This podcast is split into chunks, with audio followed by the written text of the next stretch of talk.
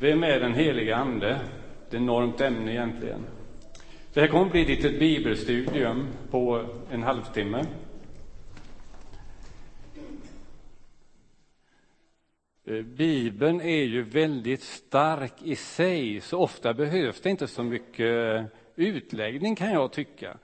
Jag har mer och mer hamnat där, att jag läser Bibeln eh, som den är. Alltså, jag ska hälsa från min mamma. Ja. Ni känner inte henne, eh, men eh, hon är på sitt hundrade år och hon är vad man kallar för en läsare, har varit. Nu kan hon inte läsa. Men jag läser för henne.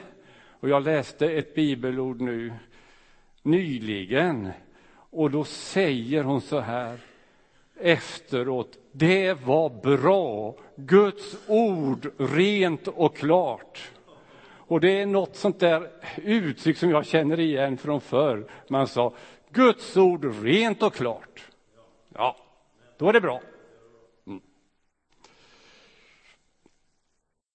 När man ska tala om den heliga ande så är det sån mångfald och så stort att vi har väldigt svårt att greppa detta. Därför tar vi bilder och liknelser och eh, metaforer till hjälp. När vi har det här ämnet i alfa eller beta så brukar jag alltid först börja fråga, har ni något sånt? Någon sån bild eller något ord för den heliga ande? Och nu ska ni bara tänka, ni behöver inte svara. Eh, och då får man ofta då, ja det är som en vind, det är som vatten, det är som eld, det är som duva och allt så här. Va? Och det är väldigt märkligt. En sak kan både vara vatten och eld, sånt som egentligen är så väsensskilt. Men så är det. Och här har bilderna redan kommit, så där ser man. Ser ni pingsloggan också? Jag vet inte hur ni tolkar den, men det är ett halvt hjärta och det är en låga, pingstlågan, andens låga, och så är det ett kors, väl? Har du tänkt på, Ingemar och ni andra, att det där är en symbol för treenigheten? Nej. Guds varma hjärta, Jesu kors och Andens låga. Mm. Jag har inte tänkt på det förrän igår. Men sånt händer, man kan väl alltid lära sig? Ja, eller hur? Ja, visst. Ja. Eh, Klockan, klockan 11 blir det. Jag har 30 minuter på mig. Ja. Mm. Men det är okej, okay, va? Ja. Vi får väl hålla kontakt då med bilderna och så. Bra. Eh, den helige Ande vill förmedla Guds närvaro till oss. Och då är vi inte unika. Jag tänker att den helige Ande vill göra det till alla troende, icke-troende, de som inte vet. Det är den helige Ande. Det här och försöker att förmedla att det finns någonting. Eh, den kanske mest kände uttalade ateisten i Sverige idag, Christer Sturmark. Eh, han har på sin eh, mobil musik, och det är från Carola, när man ringer. Och sen själva eh, mobilsvaret, alltså det som man säger om man inte kan ta så, det har faktiskt Carola talat in. Och han säger, detta har ni läst om i dagen kanske, eh, och jag visste det innan. Eh, han säger att det som jag som eh, icke troende mest saknar, det är det här att kunna lovsjunga, tillbe någon som är högre än mig själv. Så när han lyssnar på de här sångerna och tror att Gud är där och vi talar om att han ändå finns. Och så säger han också så här att det som han kommer närmast en, en andlig religiös upplevelse, det är när han tillsammans med sin sexårige son tittar upp i stjärnehimlen en kväll och förstår att skapelsen är enormt stor och vi är så små. Där är anden och talar. Även till en ateist. Så måste det vara. Och sen är alla på väg då, tror jag. Även Christer Sturmark. Så jag har bara några sådana här tillfällen när vi lyssnar på vacker musik kan det vara. I naturen, när vi ser in i ett barns ögon. Ett givande samtal, en gripande bok. Allt det där kan vara anden som talar till oss. Så fungerar den. Vi kan ta nästa. Den heliga Ande är en person. Och detta har ju Ingemar varit inne på också i inledningen.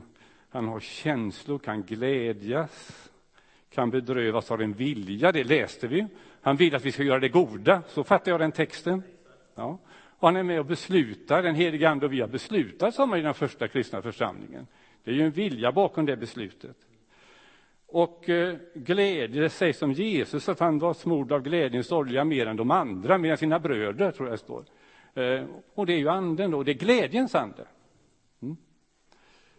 Och kan bedrövas, har vi också bibelord på. Och det är ju när vi gör saker som stör den här goda relationen, då blir anden bedrövad. Precis som vi blir i vår vanliga vänskap om det inte funkar så. För den heliga Ande är så personlig.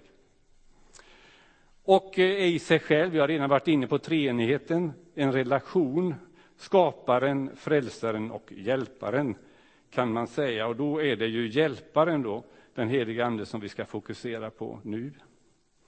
Så vi kan ta nästa. Och nu kommer det till de här texterna då som jag vill bara läsa rakt upp och ner. Och ni kan läsa de här, det är därför jag har det här.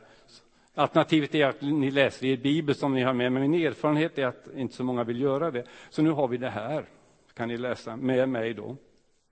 Så här säger Jesus, jag ska, ge, jag ska be Fadern att han ska ge er en annan hjälpare som alltid ska vara hos er, och det är sanningens ande som världen inte kan ta emot. Ty världen ser honom inte och världen känner honom inte. Ni känner honom eftersom han förblir hos er och ska vara i er. Vad är det framför allt som Anden ska hjälpa oss med? Slog det mig. Det är sanningen. Sanningens ande, hjälparens ande. Stefan Einhorn skrev en bok för ett tag sedan som någonting, titeln De moderna dödssynderna eller de nya dödssynderna eller någonting sånt var det. Och då var frågan, han hade intervjuat folk, han tagit reda på vad är det som man mest avskyr hos andra människor eller sig själv. Vad var det? Falskheten. Falskheten. Att vara oärlig, osann. Det är det som vi tycker sämst om hos andra och hos oss själva. Och den heliga Ande ska just gå in där, där vårt stora problem är och hjälpa oss att vara sanna, ärliga. Det är, det är sanningens ande, hjälparen.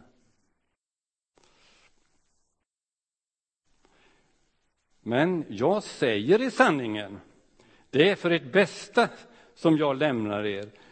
Ty om jag inte lämnar er kommer inte hjälparen till er. Och när jag går ska jag sända honom till er. Och när han kommer skall han visa världen vad synd och rättfärdighet och dom är. Synd, rättfärdighet och dom. De sakerna är en sanning som världen behöver. Sanningens ande ska tala om de här tre sakerna. Vi talar kanske inte så ofta om det, men låt det tala till oss. Synd, rättfärdighet och dom. Det är tunga ord, men de är viktiga.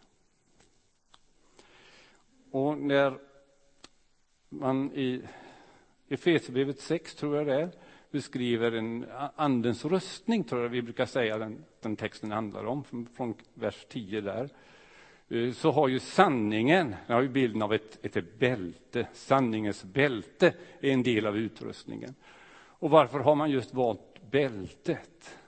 Jo, i den utrustning som de hade som krigare så var bältet lite bred sån här bälte som man spände om och höll ihop all den andra eh, klädedräkten som man hade så den inte trasslade till sig. För om man inte hade det så som man skulle röra sig i kriget så trasslade det och var lätt att falla.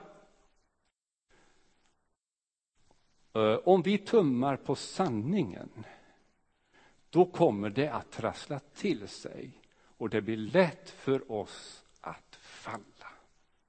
För det är svårt att resonera sig ur någonting när man har börjat med en lögn. Jag tror ni känner igen detta. Så den bilden är väldigt, väldigt talande. Sanningens ande ska hjälpa oss med det här. Den heliga Ande vill göra oss äkta, hela och trovärdiga. Få oss att bli ärliga. Den heliga Ande ser gärna att den fromma fasaden faller. Men vi ska inte falla. Vårt behov av sanning är stort. Vårt behov av den heliga Ande är stort. Den heliga Ande, nu tar vi nästa. Den är det ja. Den heliga Ande som livgivaren, det har också Ingemar varit inne på i sin bön tror jag. Ja, härligt. Men vi tar texten igen. Eh, I begynnelsen skapade Gud himmel och jord. Jorden var öde och tom och mörker var över djupet. Och Guds ande svävade över vattnet. Gud sa, var det ljus och så vidare. Den heliga ande är med från början och skapar. Då och nu, för skapelsen pågår ju. Så därför kan vi säga vid barnvälsignelse som jag brukar göra att det är 50 mamma, 50 pappa och 100 Gud. Det känner ni igen, för det har jag tjatat om. Jag säger nästan vid varje barnvälsignelse. Men därför att det är verkligheten och det är Guds underliga matematik också, men den är helt korrekt. Ja. Eh, för Gud är med där, trots att det är något naturligt så är Gud med. Det är stora. Gud finns både i det naturliga och det övernaturliga, brukar jag säga. Och eh, varje gång en maskros spränger asfalten så är det ett uttryck för en stor skaparkraft. Det ser vi också i, i vårens tid nu när eh, naturen exploderar. Vårt behov av livgivaren är stort. Vårt behov av den heliga Ande stort. Den heliga Ande är en kraftkälla. Nu är det nästa. Ja, vi kan tänka på ett mäktigt vattenfall. Vi har de bilderna vi har den här dynamon, känner ni igen? Va? Jag vet inte om det finns på moderna cyklar, gör det det? Dynamo kanske gör ändå, för att, ja, möjligen. Ingemar tror inte det, men jag tror att det kan finnas. Men okej. Okay. Um, alltså det, det ordet som finns för, för kraft här är faktiskt dynamos i, i, i texten, i den grekiska texten. Så att det är väldigt naturligt att få den här associationen till en dynamo. Och nu ska ni få lite av min fars visdom. Jag har ju nämnt min mamma, nu ska det vara rättvist och, och lite feministiskt och så. Så jag, jag, jag, ska ta min pappa också. Eh, han brukar berätta för oss barn om en händelse eh, när han cyklade. Och han har varit ute och haft eh, möten, han var ju evangelist. Och sen cyklade han då hem sent efter gudstjänst. Och jag tror att han hade en tre, fyra mil att cykla. Och han hade bråttom hem, för han skulle jobba nästa dag på ett vanligt arbete. Han var ju mer evangelist, som jag då kanske, ideellt och så. Ja, hur som helst. Så var det så att det, han kunde se vägen lite grann så här, även om han inte hade på dynamon då, ljuset. Och då valde han det. Vet ni varför? Det gick fortare. För i alla fall på den tiden gick det så trögt när han satte på dynamon. Ja. Eh, men så hände det att han ser liksom en skuggfigur komma mot sig. Han hinner precis att väja. Då är det en som är ute i sam, något liknande ärende och samma tanke som har också stängt av dynamon. Och det är precis att de inte krockar med varandra, de här två cyklisterna. Och pappa berättar så målande att styrena järn mot järn slår mot varandra så att det ekar i natten, en klang så. Men de cyklar vidare, ingen av dem faller och han vet inte vem det var. Och så säger han så här. Ja, det här med att ha Gud med, eller det anden, det är inte säkert att det går så mycket lättare. Nej, det kan till och med gå lite trögare. Det kan vara jobbigare. Visst skulle jag ha ett bekvämt liv om jag la ner allt som hade med det att göra. Det är ju liksom så. Men inget bra liv. Men det är ju bättre att se vad du, vad du, var, var du är på väg och vilka människor du möter. Och det kan du göra med, om du har den helige Ande påslagen. Det var min fars visdom. Livet med den helige Ande blir inte alltid lättare, men det blir bättre för oss själva och andra. Vi blir mer uppmärksamma på mötet och på andra människor.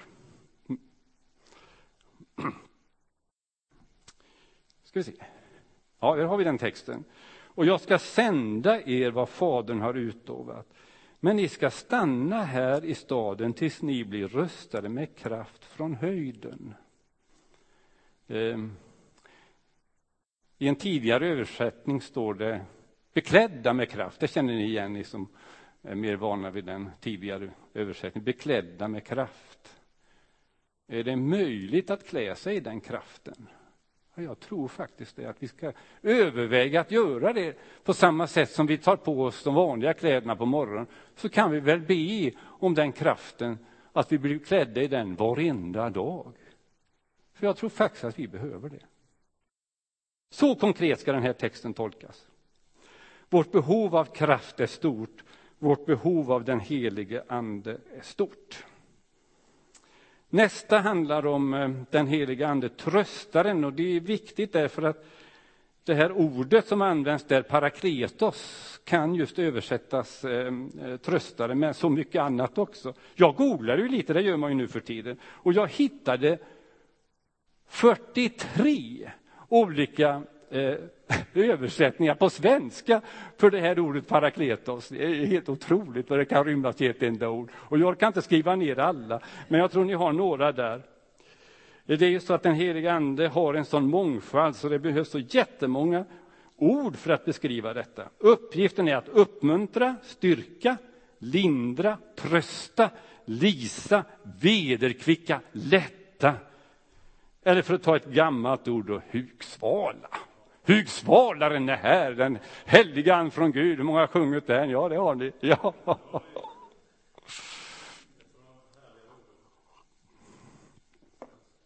Nu står det något, nu, nu, nu tror jag det någon, inte står Hugsvalaren.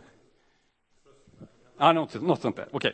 Funktionen hos denna heliga ande, parakletos, är att vara förespråkare, advokat, rådgivare, vägledare, förebedjare och själavårdare, mentor, guide och coach. Har vi några av de här orden. Är inte detta fantastiskt med den helige Ande? Allt detta har vi, vänner.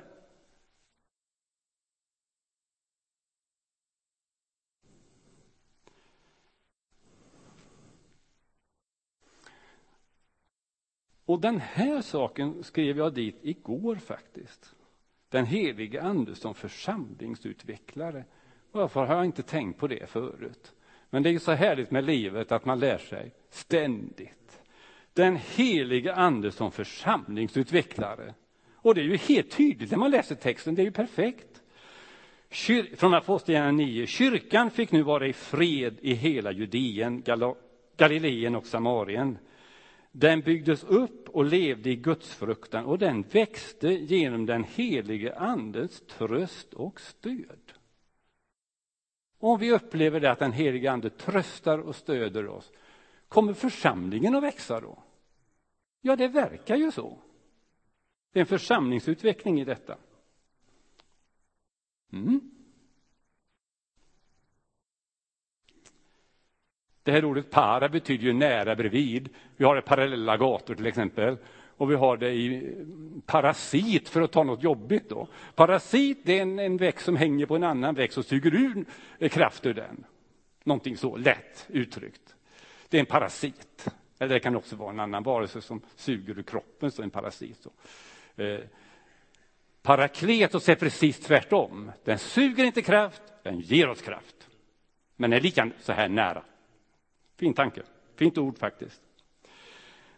Vårt behov av den helige Ande är stort, både som församlingsutvecklare och som den eh, läkande trösten till sårade, sargade människor och till en sårad, sargad värld. Jag tror vi behöver faktiskt mycket tröst idag. Nu är vi där. Bra. Sjuan, nästa bild.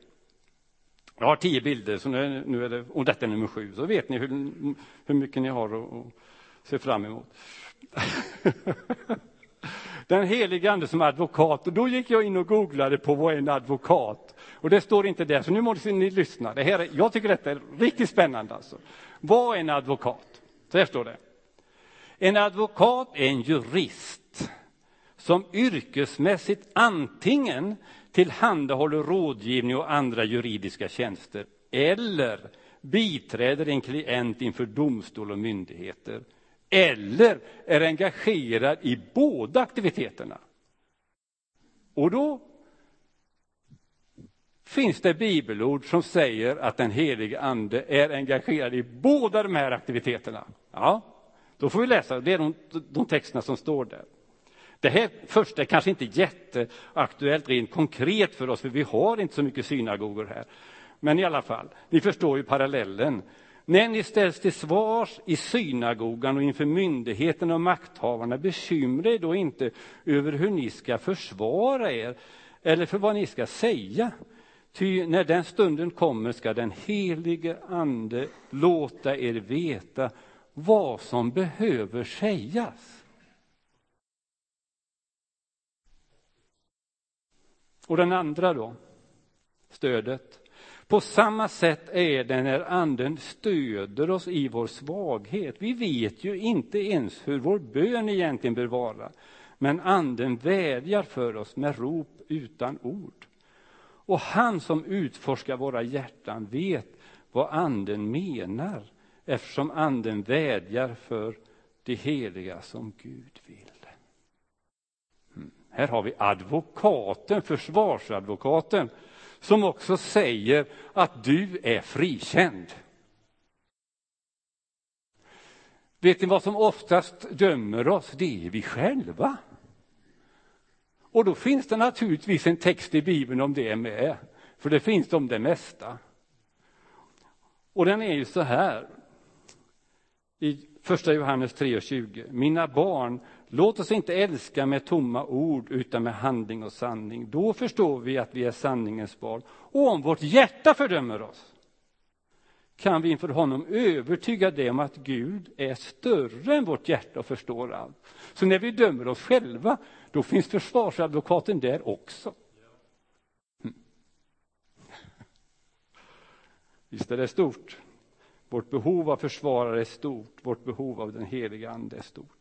Nu kanske vi inte hamnar i synagogan, kanske inte i myndigheter så heller, men vi hamnar i andra situationer. Det kan helt enkelt vara så här att någon råkar säga nästan ve och fasa, varför är du kristen? Vad svarar vi då? Alltså, vill vi ha en sån fråga eller vill vi det inte? Det får vi rannsaka oss först. Och sen tror jag svaret beror på vem som frågar. Och det är det som är det intressanta. Där måste vi ha hjälp av anden, för annars kanske det inte funkar. För människor är olika. En del frågar bara för att sätta dit och en del frågar för att man faktiskt vill veta. Och det där ska anden hjälpa oss att känna in. Vad är det frågan om här? Mm. Sen har vi gåvogivaren, då är det nästa och då har vi i församlingsledningen och i församlingen för övrigt också för några år sedan Eh, jobbat det här med gåvornas tre färger i en ledarutbildning. Och det är 30 olika gåvor. Det är bara för att säga att det är lite fler än de som vi läste i, eh, eh i Galaterbrevet 5. Mm, det är fler alltså, om man räknar alla som står någon annanstans också. Och därför valde jag att ta några andra. Här, det är gåvan att uppmuntra, gåvan att dela med sig, gåvan att trösta, gåvan att organisera, gåvan att få andra i tjänst. Musikalisk gåva, väldigt bra. Det har vi sett exempel på här. Eh, konstnärlig gåva och så vidare, tjänstegåvor. Och det är naturliga gåvor och det är övernaturliga gåvor. Och de övernaturliga har vi läst en del om, kraftgärningarnas gåvor och så. Det intressanta är att de här gåvorna är olika, men anden är densamma. Så här är texten i första Korinthierbrevet. Nådegåvorna är olika, men anden är densamma. Tjänsten är olika, men Herren är densamma. Verksamheten är olika, men Gud är densamme. Hur ger han gåvor? Ger han det slumpmässigt, hux flux? Nej. Gud är densamme, han som verkar i allt och överallt. Hos var och en framträder anden så att den blir till nytta. Det finns alltså en tanke med att du har just den gåvan. Den ska komma till största nytta i församlingen och kanske för övrigt också. Så den heliga ande är absolut inte flummig. Det är mycket konkret, relaterat till tjänst och verksamhet av olika slag som är till nytta.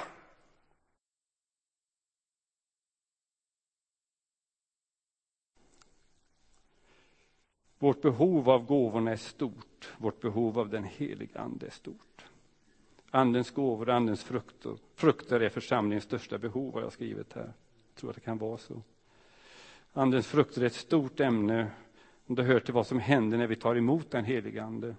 Och vi har väl pratat om, Ingemar, att vi skulle ta en, en, en serie om detta till våren, om Andens frukter. Då. Så det kan ni se fram emot. Då kommer vi ta en frukt, och jag tror det är nio frukter, det är så. Ja. Så det blir nio söndagar eh, som vi ska ta en frukt eh, och smaka på den i, i tur och ordning.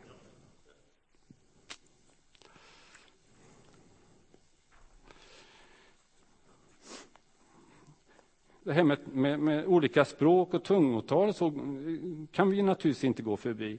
Men tiden är också knapp. Men vi tar nästa. Eh, språkbegåvningar har jag skrivit då. Och det har vi exempel på eh, i historien som också är nära vår församling. En kines som talar svenska, det vet ni. Så vill ni veta mer så fråga Anita och, och hennes bröder vid något tillfälle. Det handlar om Margit och Artur Björkenfors. Vi har exempel på um, en svenska som talar singalesiska, då är vi på Sri Lanka. Och då är det Rakel och Ena Stare. Eh, kan också bekräftas av nu levande människor här i vår närhet att så var det. Eh, och det händer också nu för tiden, om man säger så. Det är inte så många år sedan som eh, en besökande i eh, tabernaklet i Göteborg som kom från Chad. Det är alltså ett land i nordvästra Afrika, någonting så kanske, Centralafrika kan vi säga. Mm. Och som talar en speciell arabisk dialekt, chad-arabiska. Den fick höra en i kören tala chad-arabisk, en hälsning till den personen. Och det är några år sedan bara. Av en person som naturligtvis inte kunde arabiska, i synnerhet inte denna specifika dialekt. Ja. Så, sånt händer. Men jag vill ändå vidga det här också på ett annat område, alltså språk eh, kan vara något, det är ju ett sätt att tala till människor som finns i olika kategorier. Det handlar alltså inte bara om olika Eh, talade språk så, utan eh, mer vilken kategori man tillhör som sagt. Och poängen är ju, om vi går tillbaka till eh, församlingens födelsedag, så är det, det är häftigt att de får höra sina egna språk. Men det är också viktigt att säga vad de talar, vad de fick höra. Guds väldiga gärningar, det är det vi ska prata om. Det är inte liksom bara visa att vi kan tala ett annat språk, det är vad vi säger, innehållet som är viktigt också, förstås. Okej, hur ska vi då nå Eh, de olika folken idag eh, med budskapet? Ja, det beror ju på vilka vi pratar med. Vi kanske ska tala på ett särskilt sätt när vi pratar med idrottsfolket, eller båtfolket, eller mediafolket. Företagarna, akademikerna, så kan vi räkna upp alla de som vi kan möta beroende på var vi befinner oss själva i de som är i vår omgivning då i vardagen, det är de. Hur når vi dem? Eh, David Petrus var ju före sin tid när han sa att vi måste ju gå in på media på något sätt. Så vi, vi måste eh, tala journalisternas språk också. Och då var det ju starta tidning och alla sådana medier. Genialt. Okej. Okay. Ja. Där har vi det också. Precis så. Idrottsfolket. Eh, fågelskådarna, och det har ju jag drabbats av. För jag såg någon fågelskådare eh, i Falkenbergstrakten var det faktiskt. Eh, så, och då frågade jag vad är, vad är det som är intressant att se? Jag tittade på. Inte ett svar. Och jag försökte fråga igen och få kommunikation med den här fågelskådaren, det gick inte. Eh, och så frågade jag en i, i min släkt som har sysslat lite med det. Nej, men du, måste, du kan inte fråga så. Vad, vad ska jag säga då? Du ska fråga, har det varit något? Ja, ni ser, det gäller att hitta rätt sådär. Så nästa gång så testade jag det och det gick jättebra. Så har det varit något? Då berättar han, ja men häromdagen, då såg jag en vitkindad gås. Och så vidare.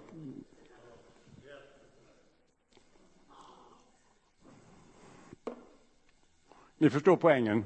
Ja, bra. Fiskarna på spiken försöker jag jobba med om det ska gå. A-lagarna och så vidare. Då. Men vi måste tänka till lite. Vi måste be den helige Ande om ledning att kunna nå de olika svenska folkslagen. Och det ligger mycket i det här gamla uttrycket att tala med bönder på bönders vis och de lärde på latin. Det var ju Karlfeldt som sa så. Jag har fem minuter kvar. Sista. Och då ska jag faktiskt bara läsa de här. Den heliga ande är den bästa, den finaste av alla gåvor.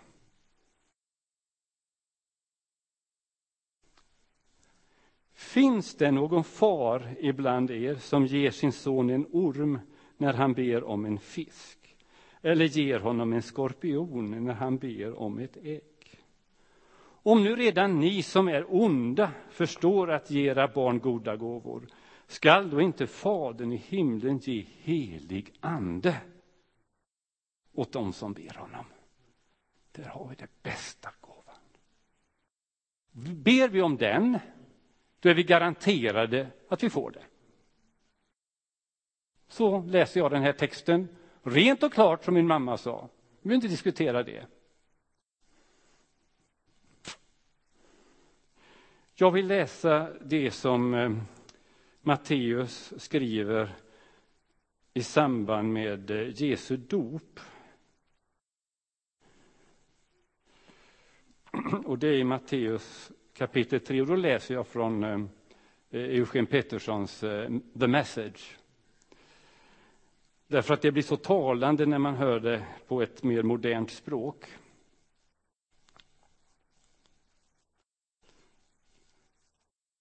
Jag tror det, om ni skulle vilja följa i vanliga bibel, så är det från vers 11. Vers 11 och 12 är det, i Matteus 3. Jag döper här i floden. Här kan ni byta ut era gamla liv mot liv i Guds rike. Men det stora steget kommer sedan.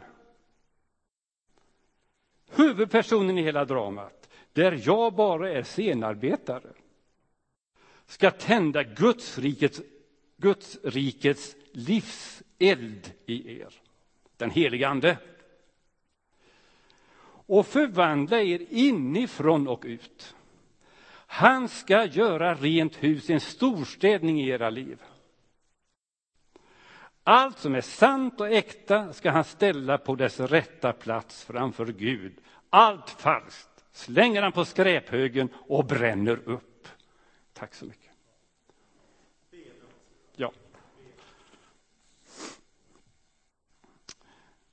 Herre Jesus, jag tackar dig för den här bästa, den största, den godaste av alla gåvor som du har gett oss. Så generös den helige Ande, som är livgivaren och kraftkällan och som är gåvogivaren. Herre, hjälp oss att på ett naturligt sätt förstå vilken enorm rikedom det är i den helige Andes liv och kraft. Välsigna var och en av oss som sitter här att förstå att ta emot det på ett personligt sätt. Enkelt, naturligt, så som det står i ditt ord, rent och klart.